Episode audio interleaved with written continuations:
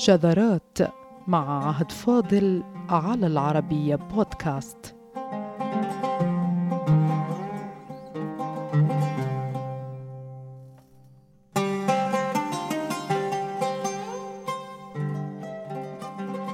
تجمع وعلى وجه التقريب الغالبية العظمى من المصنفات العربية الإخبارية على أن عالما لغويا كبيرا قد قام بضرب المتنبي.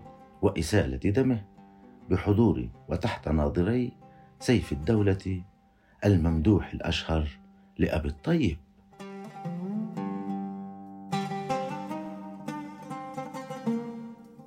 وسيف الدولة هو علي بن حمدان ويعرف بصاحب حلب الإمارة التي أسسها الحمدانيون وريفها الواسع وامتد منها سلطانهم إلى وسط سوريا الحالية. في أرض حمص. وجوارها وكان لشمالي شرق سوريا أن يصبح تحت نفوذهم فترة طويلة من الزمن حتى الجزيرة السورية. وإلى الأراضي الخاضعة الآن للدولة التركية كما في ديار بكر وميا فارقين التي تضم رفات العدد الأكبر من رؤساء الحمدانيين وعلى رأسهم سيف الدولة وأمه ومنهم شقيقته الشهيرة خولة ومن سلطانهم أرض الموصل العراقية وأجزاء من الأراضي الشاسعة التي جاورتها في ذلك الحين وتقع الآن داخل الجمهورية التركية.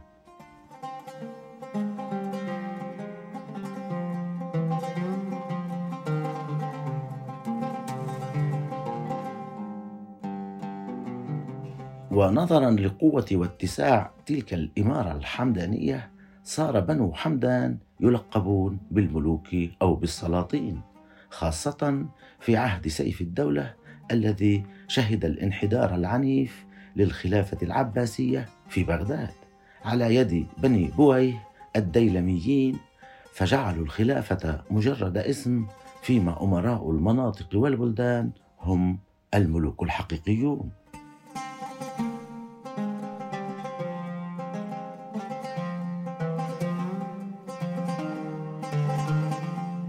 وبالعودة إلى قصة تعرض المتنبي للضرب فهي اختصارا كالتالي مع فروق تتعلق بمن كان حاضرا أو في سبب الخلاف إلا أن زبدة القصة تروى كالتالي وكان لسيف الدولة مجلس يحضره العلماء كل ليلة فيتكلمون بحضرته فوقع بين المتنبي وبين ابن خالويه النحوي كلام. فوثب ابن خالويه على المتنبي فضرب وجهه بمفتاح كان معه فشجه ودمه يسيل على ثيابه. فغضب وخرج أي المتنبي إلى مصر وامتدح كافورا.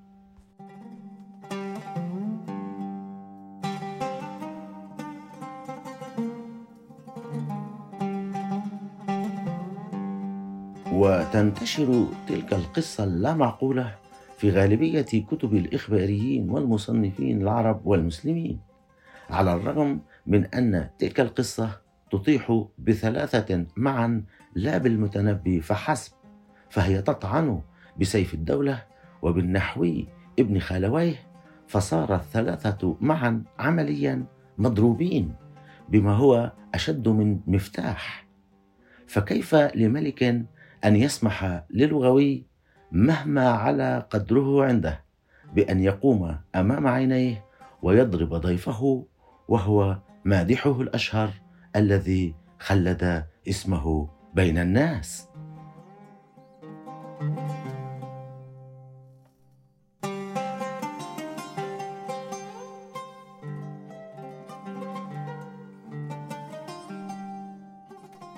لكن هل سيف الدولة في عداد الملوك؟ تنقل بعض المصنفات العربية أن بني حمدان كانوا ملوكا بالحرف ومصنفات أخرى تصف سيف الدولة بالسلطان فيما أورد وفيات الأعيان أن سيف الدولة ساءته لفظة وردت في قصيدة يمدح بها فرد على قائلها بقوله أحسنت إلا في لفظة فليست مما يخاطب الملوك بها. إذا والحالة هذه نحن أمام ملك فما وزن وقيمة هذا الملك؟ إذا كان خلاف لغوي بين نحوي وشاعر بحضوره يؤدي لقيام أحدهما بضرب الآخر وإهانته وإزالة دمه.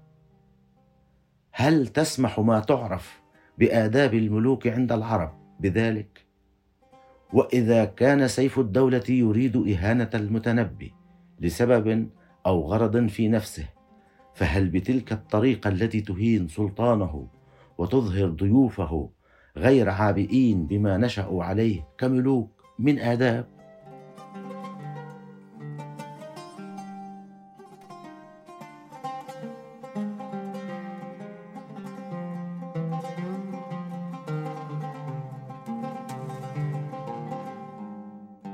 فماذا تقول آداب الملوك العرب في سلوك ضيوفهم؟ فآداب ملوك العرب وحدها تكشف أن قصة ضرب المتنبي ملفقة من أولها إلى آخرها لأنه لو ضرب بحضور الملك من ضيف غاضب ثائر لكانت الإهانة أولى أن تلحق بالملك لا بالشاعر خاصة وأن القصة لا تقول برد فعل من هذا الملك. ما يؤكد أن القصة لا مكان لها إلا في مخيلة من أطلقها لأنه لو أراد على سبيل الجدل أن يضرب المتنبي أمامه لما كان أمر لغويا بفعل ذلك بل أي أحد آخر غير مؤدب أولاده. فإذا سمح للغوي بضرب الشاعر لكان الأولى أن يسمح للشاعر برد الضربة بضربة وهو ما لم يرد في القصة الخيالية على الإطلاق. وبالتالي نحن أمام حكاية لم تحدث في الواقع وبأي شكل من الأشكال.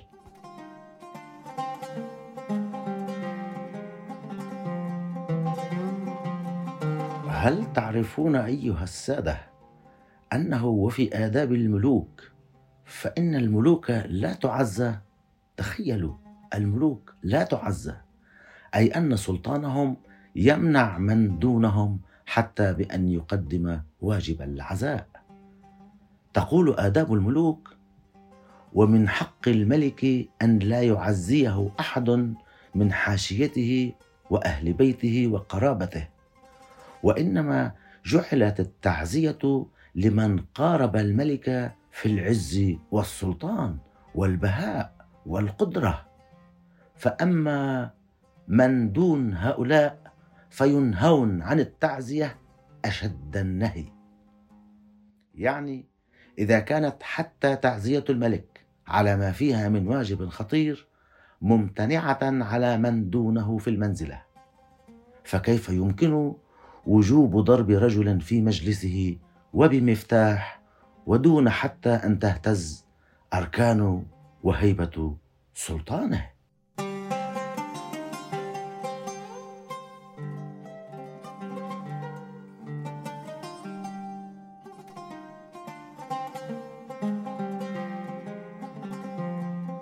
والملوك لا يواجهون بالرد. تقول آداب الملوك عند العرب. فقد أنشد الخليفة المكتفي شعرا على لسان الصولي فقال له الخليفة أنت يا صولي أشعر من يحيى بن المنجم. فقال الصولي رأي مولانا في عبده وإلا فيحيى أشعر. وعندما غادر مجلس الخليفة قال له من كان حاضرا أخطأت في ردك قوله حين قلت له يحيى أشعر مني. وقد قال أي الخليفة أنت أشعر منه. والملوك لا يواجهون بالرد. فقال الصولي والله ما فطنت لهذا والآن تعلمت.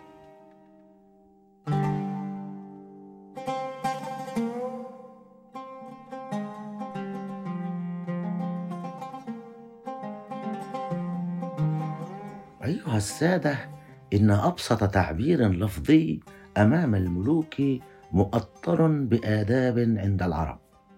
وقد غدت تلك الآداب لمن لا يعلم هي التي يؤسس عليها مخاطبو وموظفو ومجالسو الملوك والزعماء والقادة الذين أصلا تأدبوا على ممارسة سلطاتهم اعتمادا على تلك الآداب.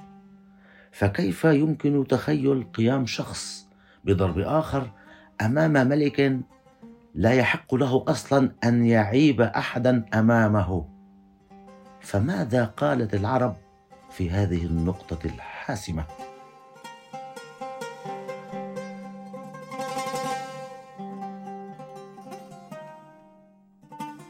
تقول آداب الملوك ومن حق الملك أن لا يعاب عنده أحد صغر أم كبر.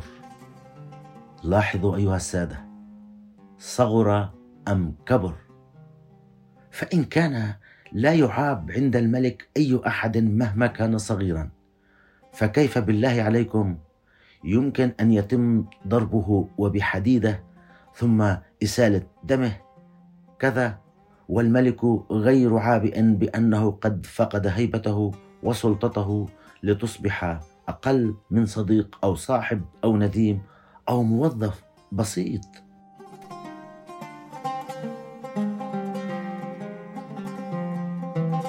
ولنفهم أكثر فأكثر فلسفة آداب الملوك عند العرب يمكن لأحد ملوكها أن يوضحها وبلسانه ذلك أن أفعال الأمر والرسم والإيعاز تصدر من الملك لا يتلقاها يأمر بها غيره ولا يؤمر بها. فهو السلطة الأعلى والأعلى هنا يأمر محدثه بما غاب عن ذهنه وهو يتكلم معه. قصة مشوقة تختصر مفهوم آداب الملوك عند العرب تقول دخل أحدهم على عبد الملك بن مروان الخليفة الأموي الشهير. فلما أخذ في الكلام كنا رجلا. فقال له عبد الملك أخطأت. الملوك لا يكنى أحد بحضرتهم. وجرى حديث فقال اكتبنيه يا أمير المؤمنين. فقال أخطأت. الملوك لا يستكتبون. واستفهمه كلاما فقال ولا يستفهمون. ثم استعاده فقال ولا يستعادون. هكذا.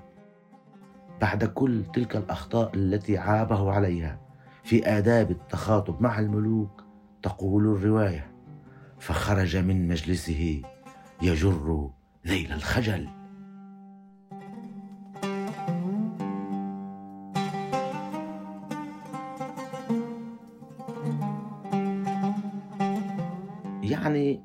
تنص تلك الآداب حتى على عدم استفهام الملك بل لا يكنى أحد بحضرته ولا يعز إلا ممن هم يماثلونه في المنزلة.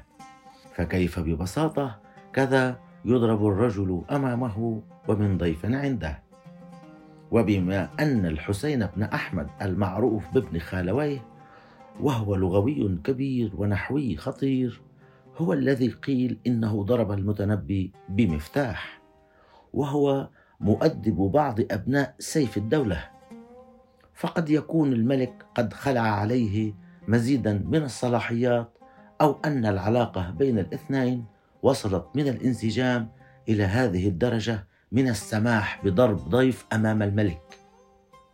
فماذا تقول آداب الملوك عن تلك النقطة تحديدا؟ هل إذا أنس الملك لأحدهم أو أفضى إليه بسره أو ضاحكه حتى وهازله وقربه إليه أشد القرب فما هو السلوك المترتب عليه رغم هذا القرب من الملك؟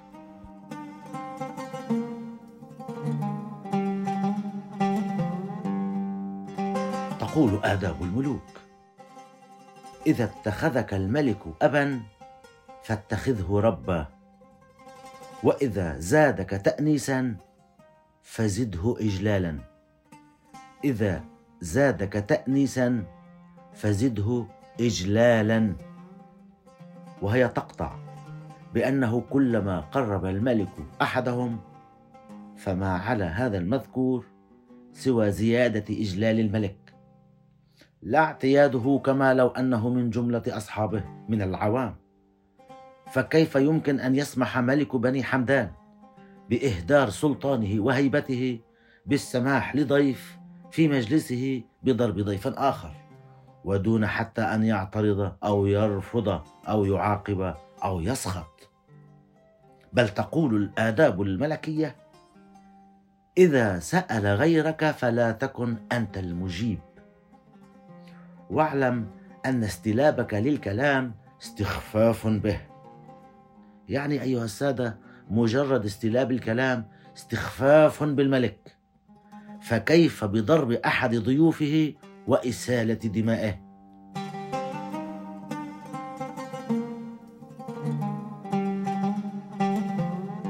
قصة قيام ابن خلويه بضرب المتنبي أمام سيف الدولة هي نسج خيال رواه قصص الآداب وخرجت من بيئة تعادي المتنبي أصلا أشد العداوة.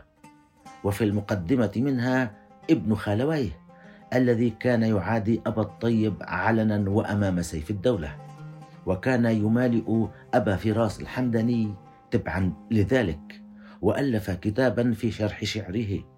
بل إن آخر المهانين في تلك القصة بعد المتنبي والملك هو ابن خالويه صاحب التصانيف الشهيرة التي منها كتاب إعراب ثلاثين سورة من القرآن الكريم وكتاب الحجة في القراءات السبع وكتاب شرح مقصور ابن دريد وكتابه الشهير جدا ليس في كلام العرب وكتاب مختصر شواذ القرآن وكتاب شرح فصيح ثعلب وكتب مختلفة أخرى. فكيف لعالم لغوي ونحوي هو أدرى بآداب الملوك من غيره؟ كابن خالويه وإمام في القراءات أن يقوم بضرب شاعر وبمفتاح وأمام ملك لا حول له ولا قوة ولا هيبة ولا منعه